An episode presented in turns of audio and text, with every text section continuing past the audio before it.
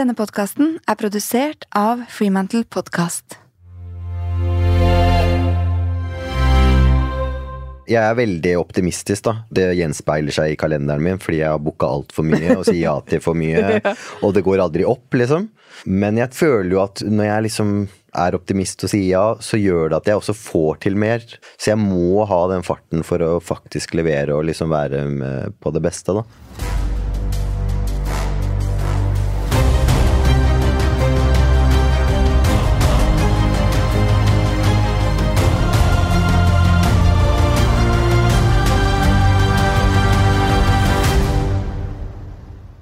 Mitt navn er Cecilie Ystnes Myhre, og jeg jobber som mentaltrener og lederutvikler.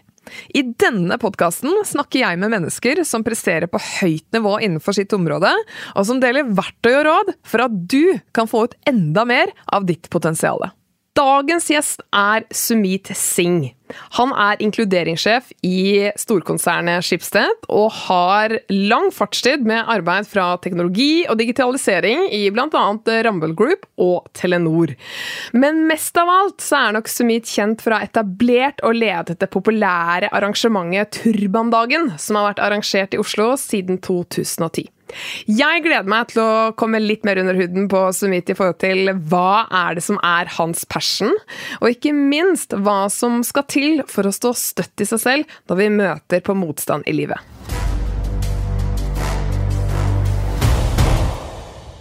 Velkommen til eh, Grit eh, Sumit. Takk. Du må fortelle kort innledningsvis nå hvem du er for lytterne av Grit. Eh, jeg jobber i Skipsted. Er eh, Head of Diversity, Inclusion and Belonging i Skipsted. På tvers av eh, selskapene våre i Norden. Jeg er utdanna siviløkonom. Har jobba i Telenor og Rambøll før det med innovasjon, digitalisering, transformasjon. Så endringer i selskap. Min store lidenskap og hobby har jo vært å jobbe med å skape endring i samfunnet. Jeg har hatt en drøm om at Norge skal bli verdens beste land å være annerledes i. Og med den drømmen så etablerte jeg og flere andre Den norske turbandagen for ja, 12-13 år siden. Hvor vi inviterer hele Norge til å komme og få gratis turbaner i Oslo hvert år. Og så har jeg andre verv da, som er min hobby, som handler om liksom mangfold og inkludering i samfunnet. Ja. Og jeg syns det er så gøy at du tar med din passion i innledningen av deg selv. fordi det er jo det som har tiltrukket meg til å få deg hit i dag. Fordi det virker for meg som at du har en ekstremt sterk drivkraft da, som gjør at du fortsetter å stå på, sannsynligvis selv om du møter på motgang og, og utfordringer underveis. Så kan du si litt mer om denne drivkraften og visjonen din, og hvor den stammer fra? Ja. Jeg vokste opp som sikh i Oslo, og født opp og vokste opp med turban på hodet. Pappa hadde turban, og vi var jo alltid veldig annerledes. Eh, og samtidig så har jeg elsket den annerledesheten, men jeg vet at den ikke har vært så det har vært naturlig at den nødvendigvis er så kul. Jeg har jo følt på å være eh, annerledes enn alle andre når jeg vokste opp. Etter 9-11 f.eks.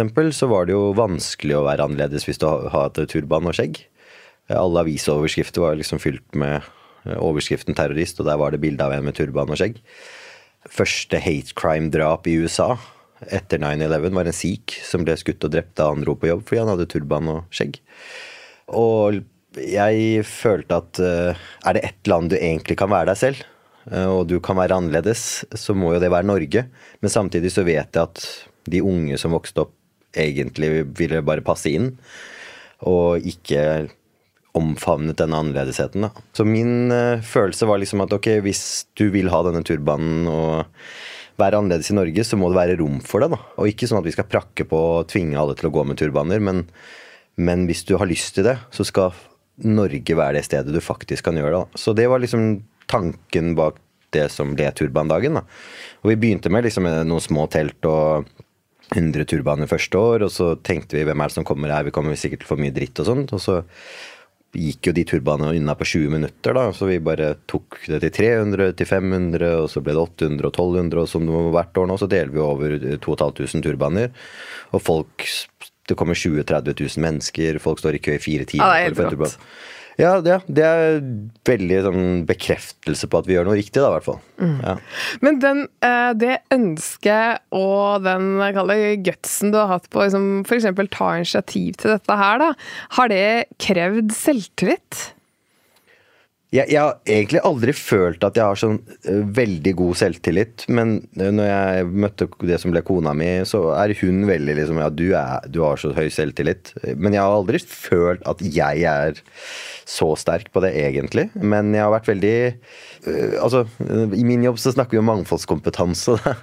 Og jeg føler jo jeg er vokst opp i det veldig erkenorske. Så jeg har lært meg, tror jeg, liksom manøvrere i det miljøet. Men jeg har jo vært aktiv i Sikh-tempelet, hadde det erkeindiske. Og der har jeg også liksom lært meg å manøvrere der. Og da har du en liksom ganske stor spennvidde som du skal være liksom observatør og aktør i liksom hele tida. Og det tror jeg gjør at jeg tror jeg forstår ulike målgrupper bedre. Og den er ikke naturlig. Du kan være dritgod på å skjønne det norske, men da sliter du med det indiske. Eller så skjønner du det indiske veldig godt, og er veldig dypt og drukner i det, men da skjønner du ikke det norske. Jeg føler at jeg har en sånn spennvidde. Når du skal f.eks. gjøre noe med turbandagen, så må du forstå brukerne eller gjestene som skal komme. Du må pakke det inn i en måte som gjør at nordmenn tenker at oi, eh, her kan vi gå uten å miste oss selv. Men samtidig så har vi lyst til å fortelle hvem vi er. Så du skal liksom balansere disse to tingene. Mm. Det tror jeg kanskje har vært mer enn kanskje selvtilliten. At jeg tror jeg har en forståelse der, da. Som ikke er unik, det er mange som har den, men det tror jeg har vært kanskje det som har vært styrken min. da. Ja, og da ble jeg så nysgjerrig på sånn, hva kan vi lære av deg på den forståelsen? Altså sånn, Hvis du skal trekke ut litt sånn essensen av, av det, da. Hva er viktig, tenker du, der?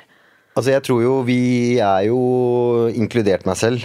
Henger med folk som er like oss selv. Vi bor der vi bor, og vi eh, har liksom hytte på samme områder, liksom liker å vise de samme bilene, eller barna våre går i samme barnehager eller skoler. og Det gjør jo at folka rundt oss er jo bare ekkokamera liksom mer eller mindre av det vi er selv. Det å utfordre det, da, tror jeg liksom kanskje er det mest verdifulle man kan gjøre. da. Og det er vel kanskje det man gjør da, når du Jeg vokste opp på Oslo vest og er i der, men jeg liksom er helg også er i tempelet, så eksponerer jeg meg for to liksom ytterpunkter, da. Og det kan jo alle gjøre. Og da lærer du jo mye mer, da. Og jeg tror jo, ikke sant, skal du lage et nytt produkt, så er det jo det å ikke komme fra utsida inn. Skal du skrive en nyhetssak eller saker, det å ikke skrive om det fra utsida inn, men innenfra ut, da. Da skal du eksponere deg for det, da.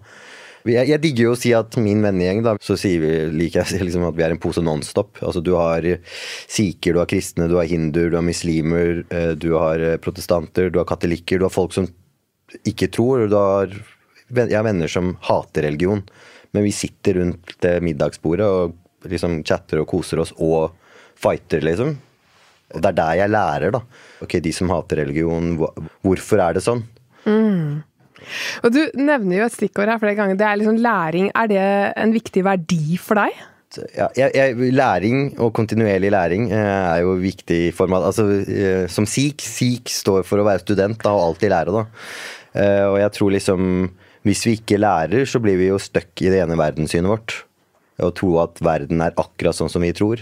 Og da beveger vi oss ikke. Altså Hvis vi hadde bare stått stille og ikke lært, så hadde vi trodd at kvinner ikke kunne jobbe. Vi hadde trodd at hvis du er blind, så kan du ikke jobbe. Hvis du ikke kan snakke flytende norsk, så kan du ikke jobbe eh, i Norge. Eller hvis du er autist eller har dysleksi, så kan du ikke jobbe.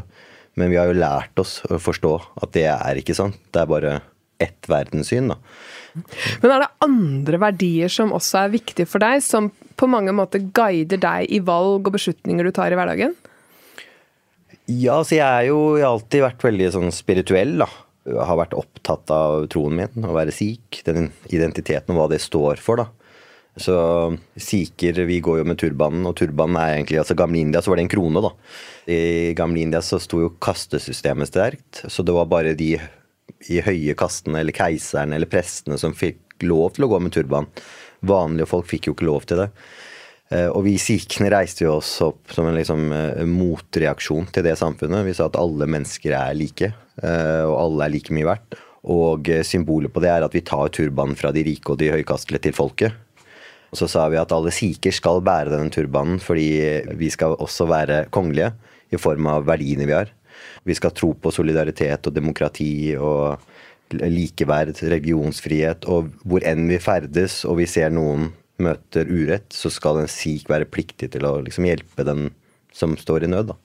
Og det føler jeg veldig på, da, den, liksom det ansvaret eh, og det, den stoltheten det er å på en måte bære, bære den turbanen. At det er en rolle, da. Så det tar jeg med meg, da. I mm. Eh, hvem jeg er og hvor jeg ferder, kanskje.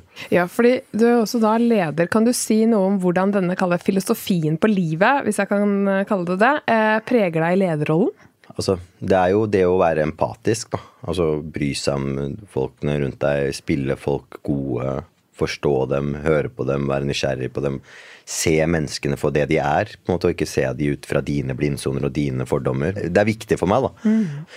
Jeg vet jo selv at liksom den der psykologiske tryggheten jeg har manglet, om det er på jobb eller om det er i sosiale settinger, den har jeg jo opplevd veldig mye, på en måte. Det gjør jo at jeg er bevisst på den, og jeg håper ikke jeg liksom er en sånn person som lar andre stå der, da. Men at folk kan være trygge og være faktisk den de er, og dermed også være liksom kreative eh, på den måten de faktisk maksimalt kan være kreative. da.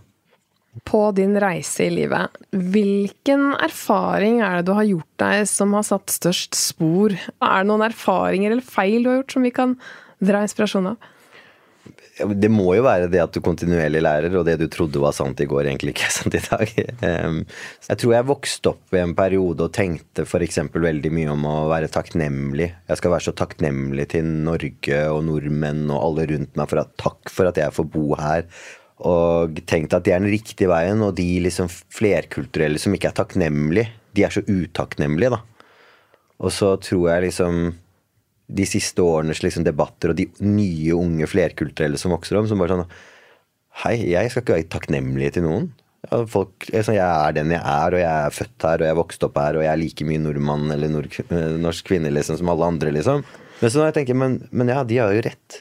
Altså, De nye unge de har jo rett. liksom. Hvorfor skal jeg være takknemlig til, overfor noen? Men Hvordan kom det til uttrykk, da? Nei, jeg bare føler i settinger det handler om å være fit in. da. Du vet at du skal passe inn, og du skjønner i, tilbake da, du skjønner det erkenorske, du skjønner sjargongen, du skjønner kodene, du skjønner hva som er riktig eller galt. Liksom. Så da passer du inn i den, den malen. da. Mm. Det gjelder ikke bare flerkulturelle minoriteter. Er du liksom alene kvinne i et mannsdominert miljø, så lærer du deg også å tilpasse deg. Jeg tror jeg leste noen, hun der India Nui, som var tidligere Pepsi Coke-CEO-en. Hun sa når hun kom til USA og ikke hadde den type stillinger, så var hun sånn ok, hun skulle ut på toppen. Og så lurte hun på hvordan hun skulle, og da skjønte hun at alle gutta på toppen de snakket bare om baseball. Så hun bare ok, jeg skal lære meg baseball.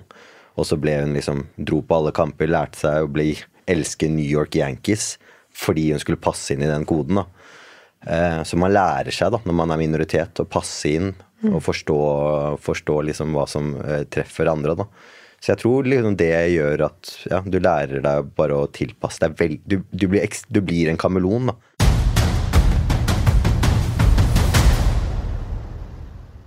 Har du lyst til å utvikle deg som leder? 29.8 så starter Raw Performance opp masterclass i prestasjonsledelse. Og på dette kurset vil du lære deg hvilke ledelsesstiler og verktøy som er hensiktsmessige å bruke for å skape en prestasjonskultur både i og rundt deg selv. Kurset kombinerer evidensbaserte teknikker og gir deg den siste forskningen med god praktisk trening for å utvikle deg som leder. Og på kurset så møter du både forelesere og eksperter som lever og leder i prestasjonskulturer til vanlig på høyt nivå. Så er du interessert, gå inn på rawperformance.no og sjekk ut mer informasjon.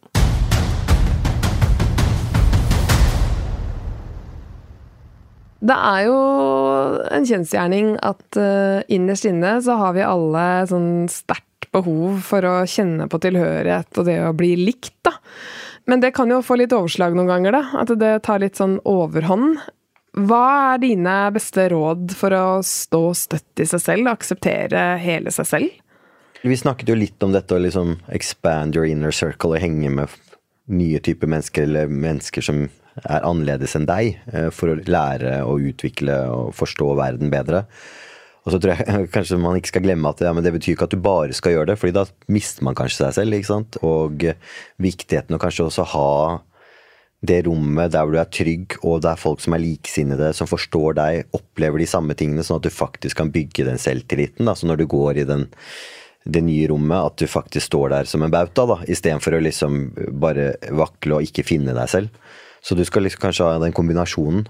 Et grit-tegn-suite det er jo det at man liker å levere nesten sånn litt mer enn hva som er forventa. Altså at man strekker seg godt og har en veldig sånn høy arbeidskapasitet. Du får arrestere meg hvis jeg tar feil, men jeg opplever at det er liksom kjennetegn på deg. og Du har høy arbeidskapasitet, du får gjort veldig mye. Men i en sånn hektisk kalender så har du sikkert fått noen erfaringer på, på hvordan, hvordan får du til det uten å egentlig møte den berømte veggen? Noen ganger har jeg følelsen på er jeg i ferd med å gå i veggen nå? Og så blir jeg jo bevisst, men jeg, jeg, tror jeg er langt unna det. Jeg er veldig optimistisk, da, og det, gjør jo, det gjenspeiler seg i kalenderen min, fordi jeg har booka altfor mye og sier ja til for mye, og det går aldri opp, liksom. Eh, så det er jeg dårlig på, og det sier jo folk rundt meg òg. At eh, liksom, ja, litt mer struktur og kanskje du skal si nei oftere. Det er jo en typisk ting jeg hører, eh, både hjemme og ute. Men jeg føler jo at når jeg liksom er optimist og sier ja, så gjør det at jeg også får til mer. De dagene jeg har tomme kalender, så får jeg liksom ikke gjort noe, da. Så jeg må ha den farten for å faktisk levere og liksom være på det beste, da. Ja, Så for deg så er liksom det å ha et visst spenningsnivå og en form for aktivitet, det gjør deg også mer produktiv, og da presserer du bedre på over tid òg? Ja, jeg føler det. altså. Ja. At jeg, jeg må ha den, liksom, den, Det er den rusen jeg må ha. Men, men det skal si da, når jeg kommer hjem, da, så dessverre så er jeg helt kaputt, da.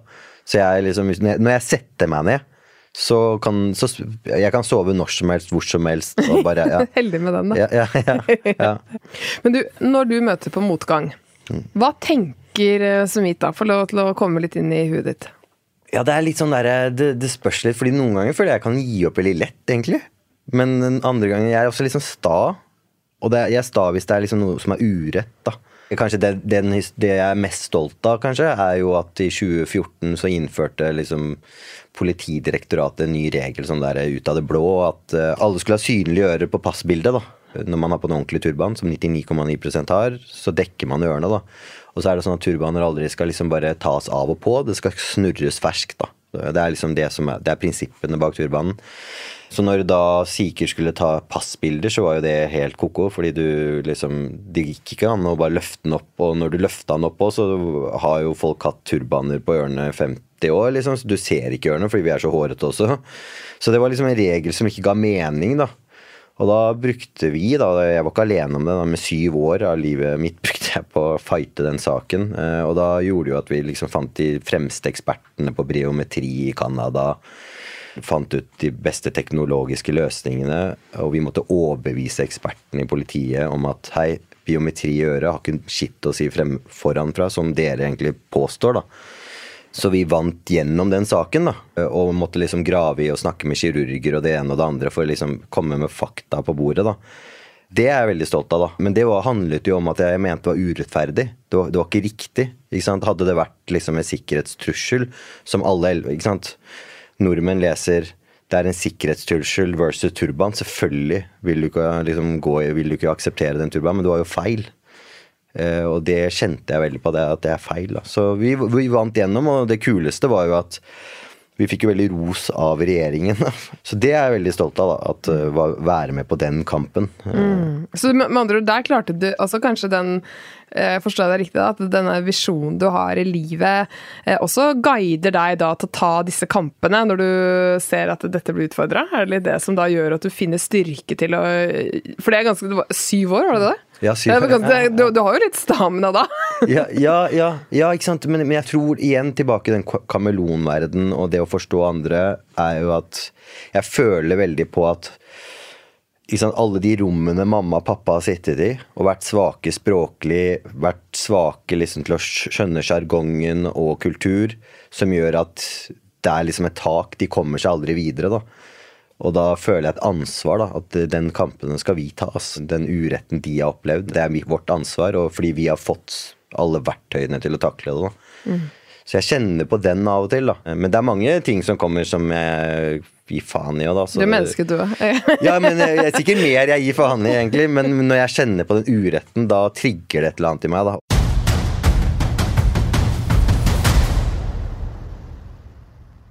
Min annonsør er TrippelTex, et superfleksibelt regnskapsprogram. Det som er viktig for oss som driver med regnskapsprogrammer og er helt avhengig av å ha det i businessen, det er at vi kan få support når vi trenger det.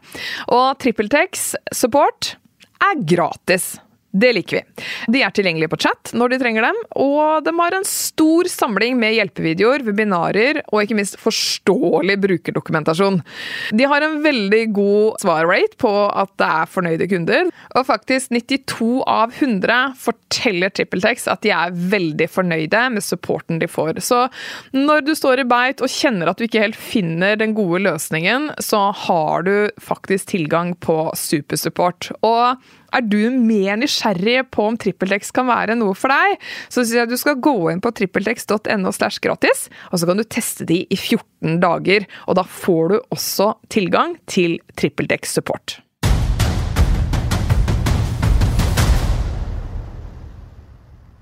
Ok, Så du har en veldig sterk drive, og du har en veldig sånn sterk filosofi på livet og jobben som gir masse mening og motivasjon. Men du har også sagt at alle burde egentlig liksom legge ned litt tid for å finne sin drømmejobb. Hva mm. legger du i det?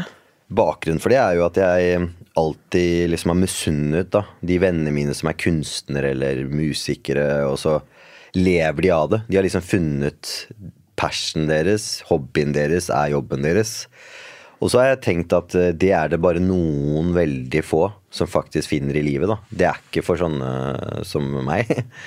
Og jeg har alltid trivdes i jobben min. Jeg tror jeg har gjort liksom middels, over middels bra jobb. og liksom men eh, det er ikke sånn at når jeg jobbet med liksom digitalisering, at jeg ikke klarte å sove på natta fordi jeg tenkte på digitalisering. og så var jeg misunnelig på de lederne som faktisk jeg husker rundt meg, som bare, som bare ikke kunne sove fordi de satt og tenkte på digitalisering. Men det er ikke meg. Det, jeg kommer aldri til å komme dit.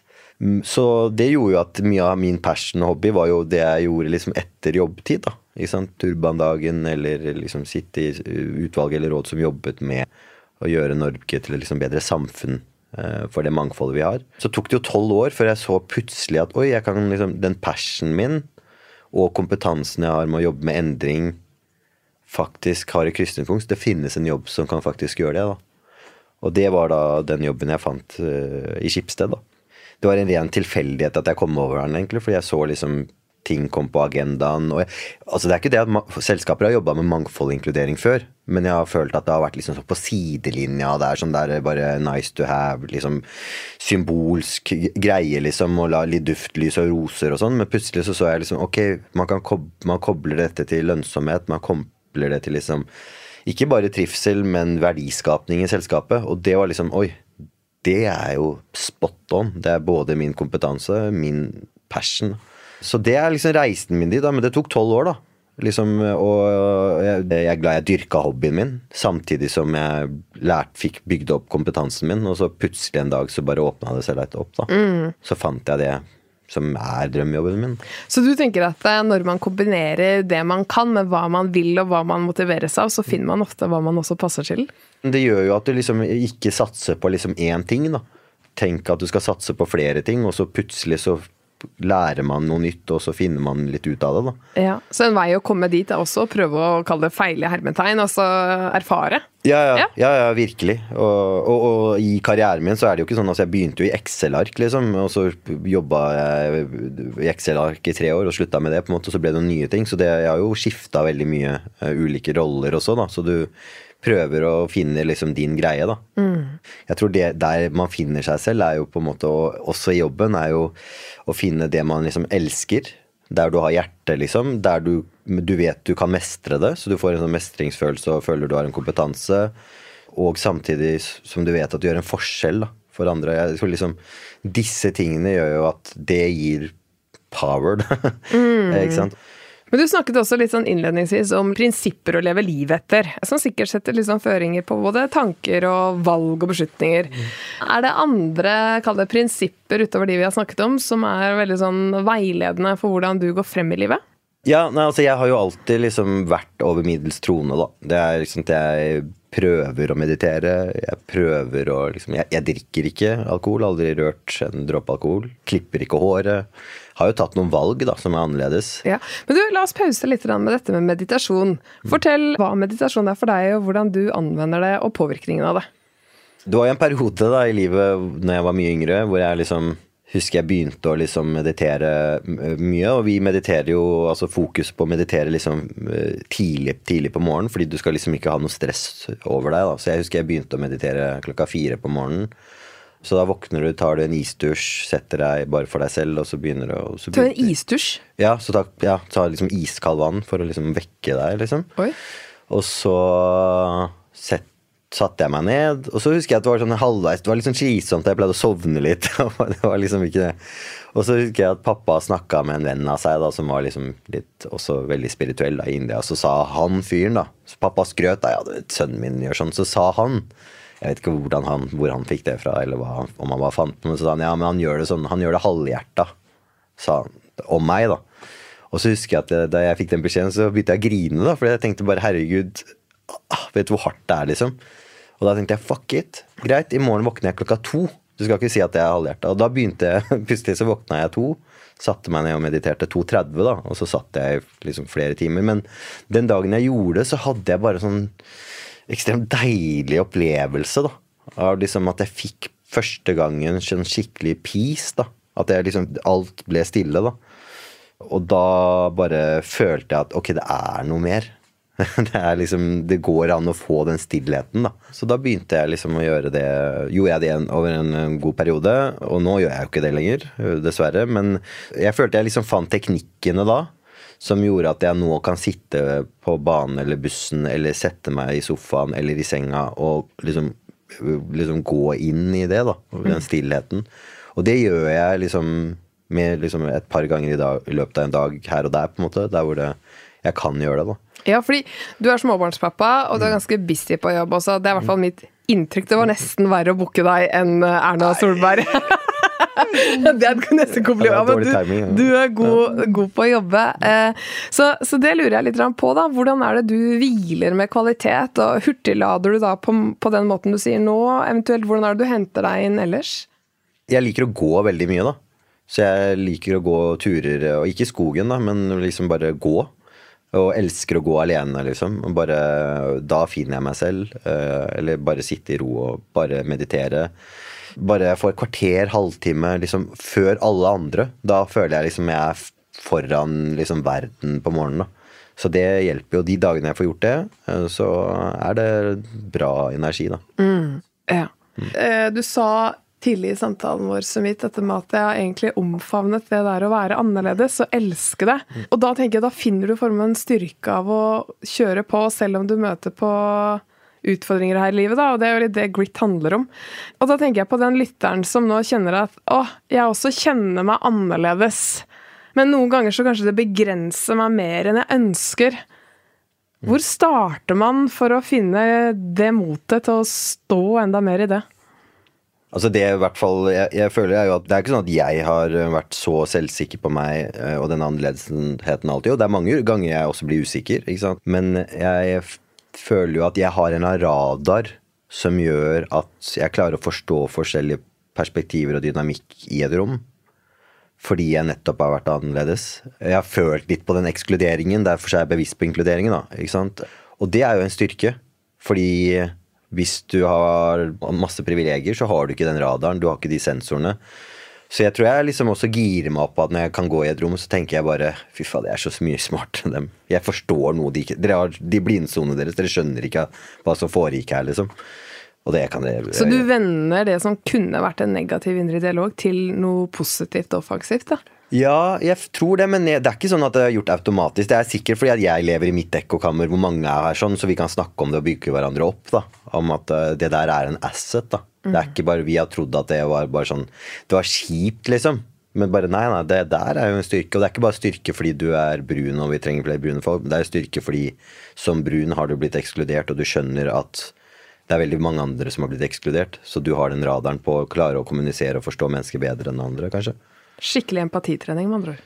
Ja, ja, kanskje det er det det Ja. Mm. Jeg, jeg, Hadia Tajik sa i en sånn eh, Jeg ble veldig fascinert av det, fordi hun sa Jeg hørte henne på, i en sånn panel, og da sa hun i forhold til ledere at um, en god leder i dag skal ha liksom ganske god sosial intelligens for å forstå at økonomien i dag Den finansielle situasjonen med høye strømregninger og høyere låneutgifter. Hvordan påvirker det familien til de som jobber i rommet ditt?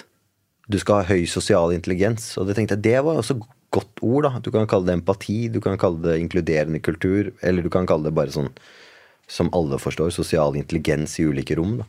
Ja. Tusen takk for at du kom på besøk til oss eh, her, Sumit. Takk for meg.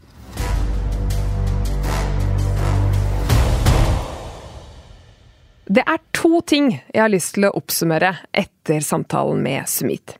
Det ene er Sumit sin holdning til at det å ha kjent på ekskludering gjør at han vet hvor viktig det er med inkludering. Altså Han snur på det. Og det er det tankesettet jeg tenker det er viktig å ta med oss når vi møter på urett eller gjør oss erfaringer som kan gjøre vondt. Bare hvordan kan jeg nå bruke denne innsikten til å møte andre mennesker enda bedre fremover? Veldig growth mindset.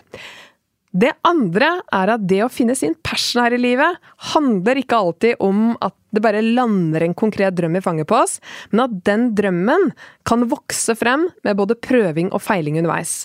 Men at vi ofte finner en ekte drivkraft når det kommer fra hjertet, og vi kombinerer, som Sumit, kompetanse med interessene våre. Vi ses neste uke med en ny spennende gjest. Ha det bra så lenge.